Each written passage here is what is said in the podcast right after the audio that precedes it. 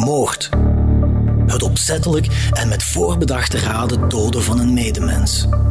Het is het zwaarste misdrijf dat iemand kan begaan. We zijn er op een akelige manier door gefascineerd. Hoeveel romans, films en andere verhalen behandelen dit duistere thema? Helaas is moord niet altijd fictie. Integendeel.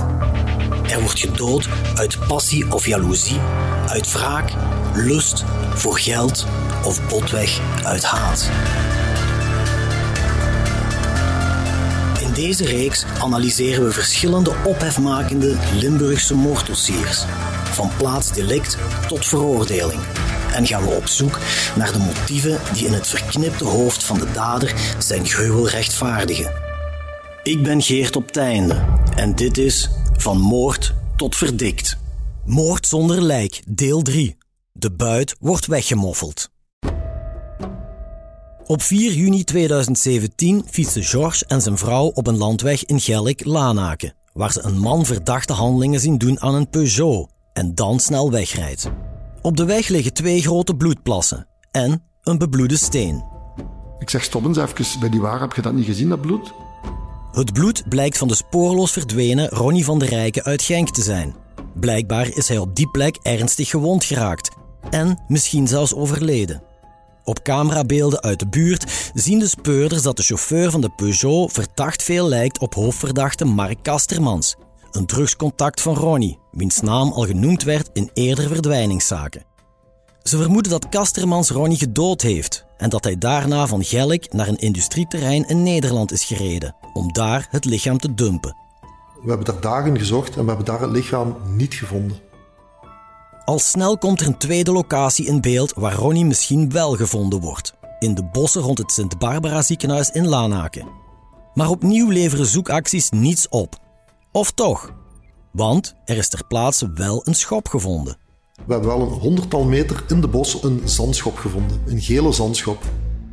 Niet alleen Ronnie is verdwenen. Ook zijn grijze Peugeot is spoorloos. Tot de speurders gecontacteerd worden door een jeugdvriend van Kastermans. Daarover straks meer, want eerst keren we terug naar de nacht van zondag 4 op maandag 5 juni 2017. De lichtgrijze Peugeot van Ronnie is uit beeld verdwenen, maar er is nu wel een andere auto op de baan. Dus uit ons onderzoek wisten we dat Mark een vriendin had, of heeft op dat moment, en dat hij ook over een voertuig beschikt. Zij was er daar niet altijd mee eens dat Mark met haar voertuig rondreed, omdat ze hem kende en de relatie was redelijk vertroebeld. Dus Mark nam soms onder dwang haar auto af en ging er dan mee op pad. Wat zien wij uit de beelden van de ANPR? Want natuurlijk, haar voertuig werd ook gecheckt. En dan zien we dat we ondertussen maandagmorgen zijn, 2 uur 55. Zien we dat het voertuig van zijn vriendin, een Volkswagen Polo, de ANPR-camera passeert. Maar waar die wagen vervolgens naartoe rijdt, weet de case officer van de federale gerechtelijke politie niet. De speurders zien wel dat een andere telefoon van Ronnie die nacht ook in beweging is. Ronnie heeft namelijk twee toestellen: een smartphone voor privégebruik en een gsm voor zijn drugscontacten. Tijdens de rit naar Nederland en terug, op zondag 4 juni in de namiddag, ligt de smartphone in zijn appartement in Genk. Maar s'nachts is plots ook dat toestel in beweging. En we zien op basis van de gegevens van de smartphone dat hij plotseling s'morgens rond kwart voor zes een verplaatsing maakt van Genk, van de woning van het slachtoffer, zien we dat hij een verplaatsing maakt richting Münsterbilze. Dat is ook de woonplaats van Mark. In Münsterbilze wordt de smartphone van Ronnie voor het laatst gecapteerd. Dat ontdekt de lokale politie kort na de verdwijning, zo hoorde je in aflevering 1. De telefoon maakt op maandagochtend 5 juni nog connectie met de zendmast van het voetbalterrein van SK Münsterbilze en verdwijnt dan volledig van de radar. De speurders denken dat Kastermans die smartphone is gaan halen in het appartement van Ronnie. Wat vermoeden wij wat dat er gebeurd is? Dat is dat Mark dat moment teruggereden is naar het lichaam van Ronnie, daar de sleutels van de woning is gaan halen. Want we zien verder dat Mark dan een verplaatsing maakt van Lanaken, omgeving Lanaken, richting Münsterbilze, terug naar zijn woonplaats. En uit de beschikbare camerabeelden achteraf blijkt dat hij de polo ter plaatse thuis achterlaat en dat hij op dat moment beschikt over een scooter. En met die scooter is hij naar Genk gereden. Kastermans ruilt thuis de wagen van zijn vriendin om voor een brommer. Daarna rijdt hij naar Genk, naar het appartement van Ronnie, waar hij volgens de speurders met de gerecupereerde sleutels binnengeraakt. Hoe weten we dat zo zeker? Die scooter, diezelfde scooter wordt enkele ogenblikken nadat er bij Ronnie is ingebroken geweest, wordt hij gecapteerd op een camera in het centrum van Genk op een vijftigtal meter van de woning van Ronnie. Nu, ik weet niet of u zich nog herinnert, de collega heeft verteld dat er s'nachts een patrouille van de lokale politie is geweest bij, aan de woning van Ronnie, aan het appartement, omdat de hond Rocky constant aan blaffen en aan het huilen was. De politie had een melding gekregen van een buurvrouw dat het hondje van Ronnie bleef huilen en daarom is er een ploeg aan de deur geweest bij Ronnie, maar er werd niet opengedaan. Het rare was, op dat moment was er ook geen gehuil van het hondje. Er werd niks gehoord, het was stil aan de deur. En ze hebben dan ook de plaats terug verlaten. Dus daar, zij hebben daar geen geluid waargenomen van de hond, wat heel opmerkelijk is. Dus we vermoeden op het moment dat de lokale politie aan de deur aanwezig was en gebeld heeft naar Ronnie op zijn gsm en geklopt heeft op de deur, waarvan normaal gezien de hond gaat blaffen, dat op dat moment Mark in de woning van het slachtoffer was. Wellicht staat de politie dus voor de deur van het appartement, terwijl Kastermans de woning van Ronnie aan het leegroven is. Hondje Rocky zit al een tijd alleen binnen en heeft overal zijn behoefte gedaan. De dief stapt door de urineplassen op de vloer. Hij gooit het volledige appartement overhoop op zoek naar waardevolle spullen. Tijdens zijn zoektocht in de living checkt Kastermans ook een geheime bergplaats in het plafond, waar Ronnie zijn drugs bewaarde en waar slechts enkele mensen van op de hoogte waren. Zoals gezegd is er een huiszoeking uitgevoerd in de woning van Ronnie. En er is vastgesteld dat, er, dat de identiteitskaart, dat de portefeuille van Ronnie niet aanwezig waren. We hebben ook geen enkel geld aangetroffen, we hebben geen drugs aangetroffen. En wat heel opvallend was, dat is dat een van de getuigen verklaarde dat Ronnie een geheime bergplaats had in zijn woning. Er waren maar enkele mensen die daarvan wisten. En die mensen zijn met ons meegeweest, die hebben die bergplaats getoond en daar is vastgesteld dat alles wat in die bergplaats was, dat dat verdwenen was. Daar stak namelijk een wapen in, daar stak geld in en daar staken drugs in. Dat wapen had hij al enige tijd in zijn bezit. Hij heeft dat nooit gebruikt, maar hij had dat bij zich, hij voelde zich daar veilig mee en hij had x aantal patronen. Er zijn maar enkele patronen teruggevonden, die zaten tussen de bekabeling, maar de rest van de patronen, voor de rest was die geheime bergplaats leeg. Tijdens uh, die huiszoeking hebben we geen gsm van het slachtoffer teruggevonden, die tweede gsm, terwijl we wisten dat het hier moest zijn. Maar we hadden gezien, op basis van onze technische gegevens, dat hij een verplaatsing had gemaakt naar Bilze, de woonplaats van Mark. Dus we vermoeden dat Mark op dat moment de gsm heeft meegenomen. Die stond nog aan. En daar stond de lokalisatie van het gsm-toestel stond op. Dat wil zeggen dat wij via Google perfect konden volgen de reisweg wat hij heeft afgelegd. Nu, Google is redelijk betrouwbaar en we zagen dat hij niet op de openbare weg reed, ik bedoel daarmee op het baanvak, maar wel op het fietsenpad. Wat kan insluiten dat iemand met een scooterje daar rijdt. Dus wij hadden het vermoeden, de man op het scooterje, die zou die gsm mee kunnen hebben. De dief neemt niet enkel die smartphone mee, maar ook een laptop, juwelen, cashgeld, drugs en het pistool van Ronnie. Hij laat de sleutels op de binnenkant van de deur zitten en verlaat het appartement. In de weken na de verdwijning van Ronnie duiken zijn spullen plots op bij verschillende mensen in de entourage van Kastermans. We hebben een getuige gehoord die zei dat Mark op een bepaald ogenblik met een laptop bij hem thuis is aangekomen. En die getuige heeft die laptop geopend en die zag daar als startscherm Ronnie staan. Maar vooral de waardevolle juwelen van Ronnie trekken de aandacht. Hij droeg immers altijd een gouden horloge, een ring en twee halskettingen. Volgens zijn neef Sandro wilde Ronnie een van die kettingen verkopen omdat hij geld nodig had. Ik denk dat aan mijn broer had gevraagd voor die, of, of die die wou kopen of niet, die ketting. Maar zover zou het niet komen, want op een dag wordt de gouden halsketting gestolen. En Ronnie verdenkt op dat moment Mark Kastermans. We hadden een verjaardag voor mijn broer. Mijn broer was verjaardag in mei ergens. En toen zei Ronnie tegen ons van... Mark heeft mijn ketting gepikt. Ik ben zo goed als zeker van dat hij mijn ketting heeft gepikt. En ik ga hem daarmee confronteren. Wanneer, weten we niet, maar kan zijn geweest toen, toen dat allemaal gebeurd is. Dat weet ik niet, maar in ieder geval, hij beschuldigt hem van zijn ketting te pikken, gouden ketting. Dat was in mei en in juni is hij verdwenen. Of het ooit tot een confrontatie is gekomen tussen de twee mannen over de gestolen halsketting, weten we niet. Maar Kastermans heeft er alleszins alles aan gedaan om de ketting verborgen te houden. We wisten dat Mark een serieuze verdachte was en we waren hem aan het afluisteren. Er is een telefoongesprek onderschept waaruit bleek dat Mark gebeld wordt door iemand en gevraagd heeft of uh, die ketting, wat hij in bewaring had gegeven, of die mocht verkocht worden. We hebben duidelijk gehoord dat Mark daar niet mee opgezet was. Hij wordt er zeer boos over en heeft onmiddellijk gezegd dat die ketting moest geheim blijven. Hij zou die niet verkopen, zelfs niet voor heel veel geld. Maar hij was blijkbaar toch niet op zijn gemak en we hebben vastgesteld dat hij eigenlijk dezelfde avond naar die persoon gereden is. Dus naar die persoon aan wie hij die ketting vertrouwen had gegeven. En is hij daar gaan terughalen. Met terughalen bedoelt de speurder dat Kastermans heeft ingebroken bij de persoon die de ketting in bewaring had, om het juweel te recupereren. Maar het is vooral een andere gouden halsketting van Ronnie die in het oog springt. Eentje met een grote hanger van een schorpioen. De ketting met een schorpioen had hij altijd aan. Zou hij nooit uitdoen, zou hij nooit verkopen. Al had hij geld, zorgen of weet ik veel wat, zou hij nooit of nooit verkopen. Ik denk dat hij toch 7, 8 centimeter groot was, die ketting met de schorpioen. Dat is een uh, hoe heet horoscoop van uh, Ronnie, was schorpioen. Die ketting duikt in de weken na de verdwijning van Ronnie op bij een andere vriend van Kastermans. Tijdens een getuigenverhoor vertelt die man aan de politie over een doosje met een wel zeer bijzondere inhoud. Dat Margot op een bepaalde dag bij hem is toegekomen en hem een doosje heeft gegeven en gezegd dat er drugs in zaten. En hij heeft gevraagd, mag ik die drugs bij u verstoppen? En ze hebben dat dan samen verstopt in eh, de kelder. En Mark heeft duidelijk gezegd, je moet daaruit blijven, daar zitten drugs in, je moet er vanaf blijven.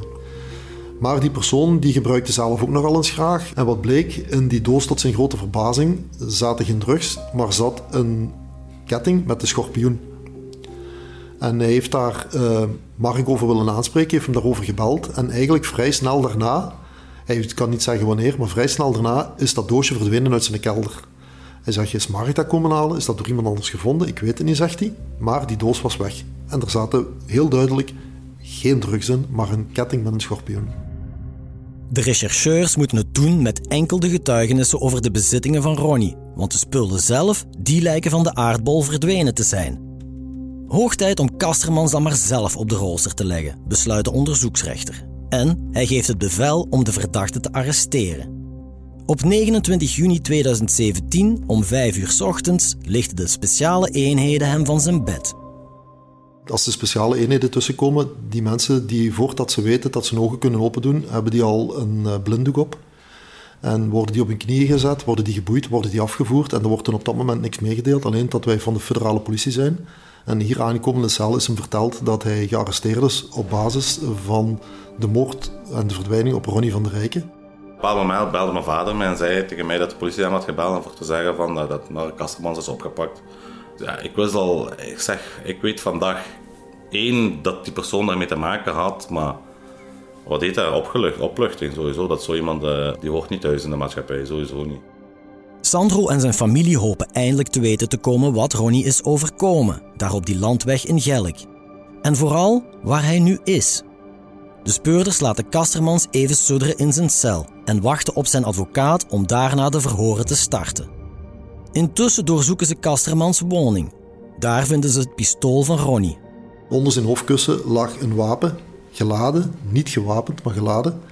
En dat bleek het wapen te zijn wat eigenlijk afkomstig was van Ronnie. En een heel klein spatje bloed. Dus tijdens de huiszoeking bij Mark heeft het labo schitterend werk geleverd en hebben wij in heel die woning één minuscuul bloeddruppel gevonden.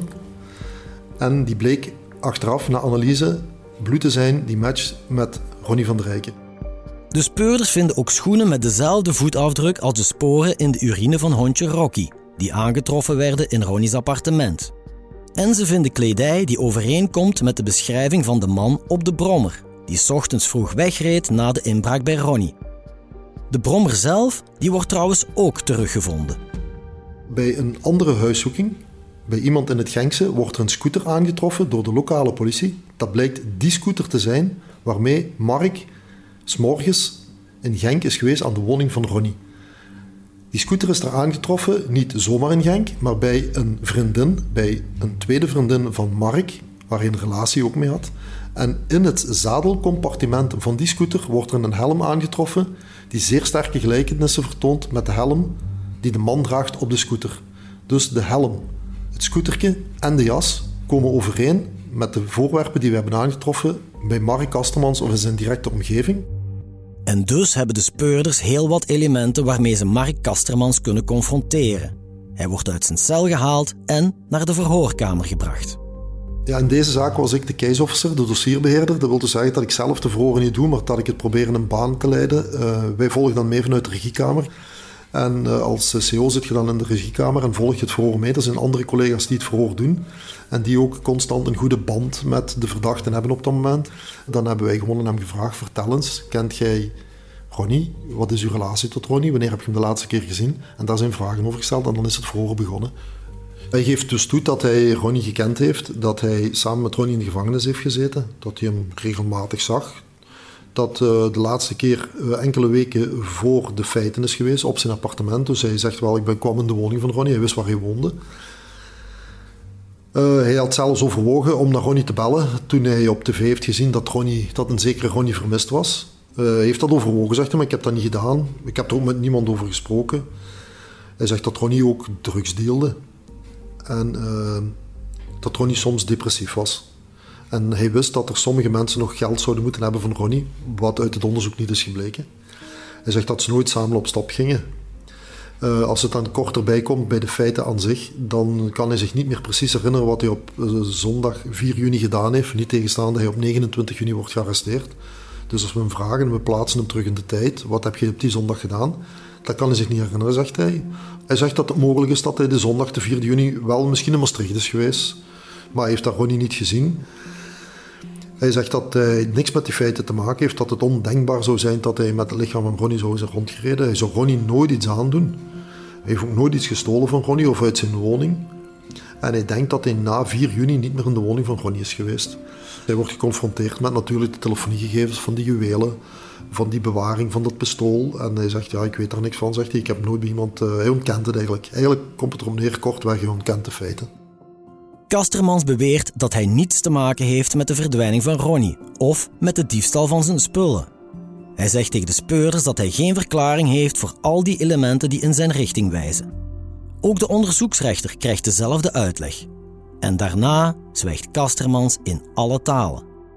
Even lijkt hij overstag te gaan wanneer hij na afloop van een verhoor vraagt hoe hij vanuit de gevangenis de speurders kan bereiken. Maar dat gebeurt niet. Kastermans wordt nog vijf keer uitgenodigd voor een verhoor en telkens stuurt hij zijn kat. Hij heeft ook dat ook gedaan op aanraden van zijn advocaat. Want hij heeft zelf gezegd, mijn advocaat heeft erop geweest dat het misschien beter kan zwijgen. Ik word toch niet geloofd, mijn woorden worden verdraaid. Nu, je moet weten, ieder verhoor bij ons wordt audiovisueel geregistreerd. Dat wil zeggen, alles wordt opgenomen, zowel op beeld als klank. Dus die beelden zijn beschikbaar voor zowel de advocaat als voor de, de jury, als voor iedereen die betrokken is bij het onderzoek. Dus daar zijn gewone gesprekken gevoerd met Mark. Er is hem ook gevraagd van wat er gebeurd is, van zijn kant van het verhaal te vertellen. Maar uh, hij heeft gezegd dat hij toch bestempeld zal worden als een moordenaar. Terwijl hem gewoon erop geweest is, Mark, doe je verhaal, zeg wat er gebeurd is. Misschien kunnen wij het begrijpen. Vertel het, zeg het van uw kant. Maar daar is hij dus nooit op ingegaan. Ook de pers vraagt zich af waar Ronnie is. Er vloeien massa's inkt over de verdwijningszaak. Op een dag slaat een jeugdvriend van Mark Kasterman zijn krant open. Hij leest een artikel over Ronnie's verdwijning en ziet een foto van een lichtgrijze Peugeot.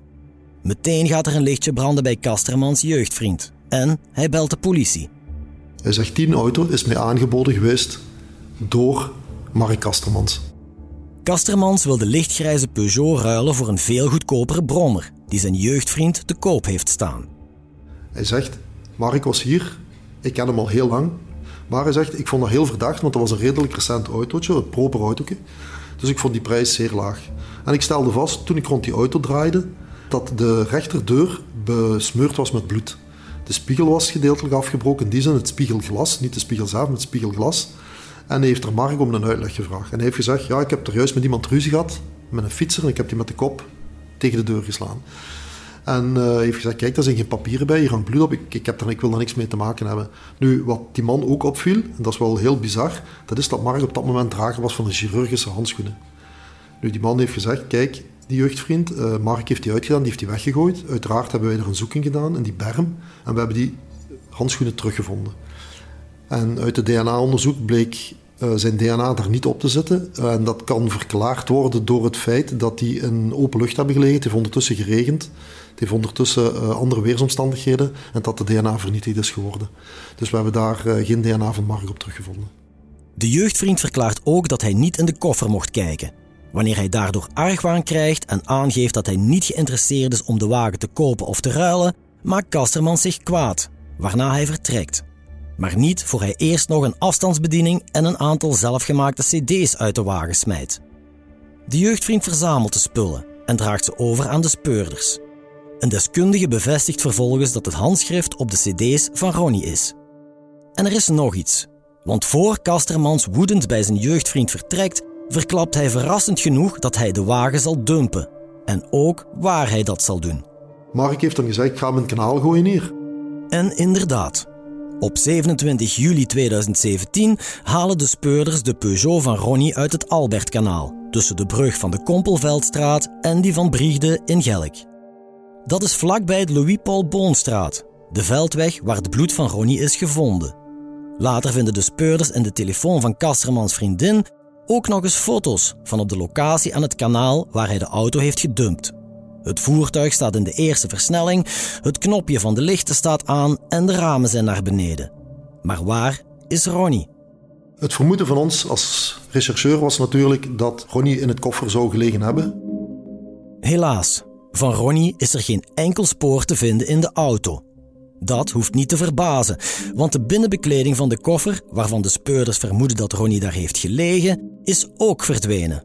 Wat ons verschrikkelijk opviel was dat in het koffer geen hoedenplank meer aanwezig was, geen binnenbekleding, geen reservewiel en geen krik.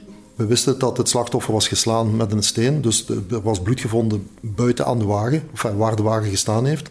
Dus dat wil zeggen dat de slachtoffer redelijk bebloed moet geweest zijn. En ik kan het voertuig gedumpt hebben en die voorwerpen uit het voertuig gehaald hebben, met de gedachte, als ze het voertuig terugvinden, gaan ze nooit dat bloed terugvinden in het voertuig. En we wisten dat Mark zijn betrokkenheid is onderzocht geweest bij twee andere zaken. Een van die twee zaken was in Nederland. En daar was hetzelfde, was een voertuig teruggevonden, ook toevallig een Peugeot, een gestolen Peugeot, die Mark Kastermans heeft gebruikt. En ook daar waren bepaalde opvallendheden met de zaak bij ons. Dat was geen krik in het voertuig, geen reservewiel en geen hoedenplank en ook geen binnenbekleding. De rechercheur van de FGP verwijst naar de verdwijning van Jean Leclerc, een vriend van Kastermans die in 2003 verdwijnt kort nadat Kastermans hem gedrogeerd en mishandeld had in een kelder. Nadien geeft Kastermans een compaan de opdracht om de woning van Leclerc in Lichterlaaien te zetten, om zo sporen uit te wissen. De auto die Kastermans aan de brandstichter ter beschikking stelt, heeft ook geen binnenbekleding in de koffer, net zoals de Peugeot van Ronnie die in het kanaal werd teruggevonden. En dat vinden de speurders wel heel toevallig. Maar goed, terug naar de verdwijning van Ronnie. Want Kastermans jeugdvriend heeft nog meer belangrijke informatie. Enkele dagen voordat Mark met die auto bij hem thuis is geweest, is Mark hem een schop komen lenen. En hij beschrijft die schop, en dat is een zandschop met een gele fibersteel. Nu, op 21 juni hebben wij een zoeking gedaan in de bosrand in Lanaken, op zoek naar de gsm van het slachtoffer. En een collega vindt op een honderdtal meter van de weg vindt hij een zandschop die daar zeer sterke gelijkenissen mee vertoont. Wij hebben al lang aandringen die schop kunnen voorleggen, foto's kunnen voorleggen aan die persoon, aan die jeugdvriend, want die wilde daar eerst niks meer mee te maken hebben. Uiteindelijk heeft hij gezegd, ja, die schop wat jullie mij tonen hier op foto, dat is dus de zandschop wat ik aan Mark Kastermans heb gegeven. Enkele dagen voordat hij bij mij thuis is geweest met die Peugeot. Nu, het is niet evident om in een bos te gaan graven met een zandschop. Dat is niet evident. Je zit dan met wortels, maar Mark Kassemans is een beer, speelt graag met de spieren. Zou het kunnen dat? Ik sluit het niet uit. Ik zeg niet dat het zo gebeurd is, maar we hebben daar ons vraagtekens bij. Dus op basis van die resultaten hebben we onze zoekacties weer erom aangepast. Hebben we weer gekeken wat kan er in de buurt zijn. Het volledige bosgebied is daar opgedeeld in zones. Al die zones zijn uitgekampt met honden, met drones, met personeel, zij aan zij. En we hebben daar jammer genoeg niet het lichaam van Ronnie kunnen terugvinden. Wilt het daarom zeggen dat we daar gezocht hebben dat het er niet ligt? Nee. Het zou kunnen, want we zijn x aantal tijd na datum ook, dat het lichaam is weggehaald door dieren. Dat het toch op een andere plaats ligt, of dat het zo diep ligt dat het niet kan gevonden worden, dat weten we niet. maar wij alleen kunnen vaststellen dat wij het daar op dat moment niet gevonden hebben. Vier keer denken de speurders het lichaam van Ronnie te zullen terugvinden. De eerste keer op het industrieterrein van Maastricht, een tweede keer in de bossen bij het ziekenhuis in Lanaken, dan in de auto die uit het kanaal wordt gehaald en tenslotte opnieuw in het bos rond het ziekenhuis waar de gele schop werd gevonden. Maar elke zoekactie blijft zonder resultaat.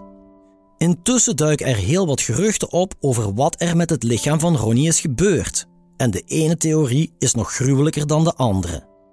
Zo denken sommigen dat Ronnie's lichaam werd weggewerkt met behulp van een hakselaar. Anderen vermoeden dan weer dat er zuur is gebruikt, aangezien Kastermans informatie heeft opgezocht over het oplossen van beenderen in zoutzuur.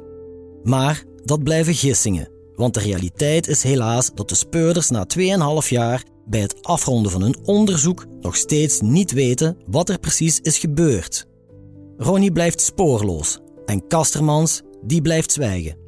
Eh, wanneer het allemaal is afgerond, onderzoek is afgerond, heb ik, ben ik naar Tongeren geweest, heb ik gevraagd voor die dossier in te lezen. Want daarvoor wisten wij niet van de steen, van de bloed wisten we wel. Maar dat er een steen was gevonden of van de auto en we wisten eigenlijk van niks, zo zal ik zeggen. Er is nooit eigenlijk met ons daarover gecommuniceerd. Wel dat er een zoekactie gaat plaatsvinden, dat werd mijn vader of ja, mijn vader werd dan gebeld, kijk luister, vandaag gaan we dat als je dat de krant leest, weet je, dat is voor dat. De krant lazen we dingen en dat, eigenlijk dat is, dat is waar je op moet afgaan. Waar wij op moeten afgaan. Kijk, voor mij was het belangrijk, die man moet zetten. Zo iemand mag niet meer vrijkomen, in mijn ogen. Dus een oplichting dat ze genoeg hadden gevonden tegen hem. Er zat nog niet alles in het dossier, volgens mij, wat, ik, wat wij mogen lezen of wat iedereen mag lezen. Maar dat was toch een opluchting voor te zeggen van, oké, ja, dit is wat ze hebben tegen hem, dat zal wel genoeg zijn. Heb ik nog mijn broer gebeld, weet ik ook. Voor te zeggen van kijk, dat was met dat steen. Want hij wist ook nog niet van dat steen. Dat ik zei dat is een plas, twee plassen bloed gevonden met een steen daarbij. Ook al ontkent Kastermans in alle talen dat hij ook maar iets te maken heeft met de verdwijning van Ronnie, en ook al is er geen lichaam gevonden, toch zijn de speurders en het Openbaar Ministerie ervan overtuigd dat er voldoende bewijzen zijn om Mark Kastermans in staat van beschuldiging te stellen voor de moord op Ronald van der Rijken. De Kamer van Inbeschuldigingsstelling verwijst Kastermans op 27 oktober 2020 door naar het Hof van Assise in Tongeren. Niet alleen de nabestaanden van Ronnie, maar ook de speurders, de advocaten en het Openbaar Ministerie hopen dat de vele vragen die er dan nog steeds zijn, eindelijk beantwoord zullen worden. Of die antwoorden er komen of niet, hoor je in de volgende aflevering. Maar wat sowieso zeker is, is dat het een zeer tumultueus assiseproces belooft te worden. Wij hebben op het Hof van Assise een, een kroongetuige laten passeren. Die getuige was dat Mark Kastermans kort na de feiten de wagen van Ronnie aan hem heeft aangeboden. Uh, die getuigenis was cruciaal, maar ik kreeg na zijn getuigenis uh, de melding binnen via de politie dat hij in het café aan de overkant van het Hof van Assise tegen mensen verklaard zou hebben dat hij een been zou hebben zien hangen uit de koffer van uh, de bewuste wagen. Dat is een element die uiteraard uh, in detail volledig afweek van hetgeen dat hij niet alleen destijds verklaarde voor de politie, maar ook nu verklaarde voor het Hof van Assise.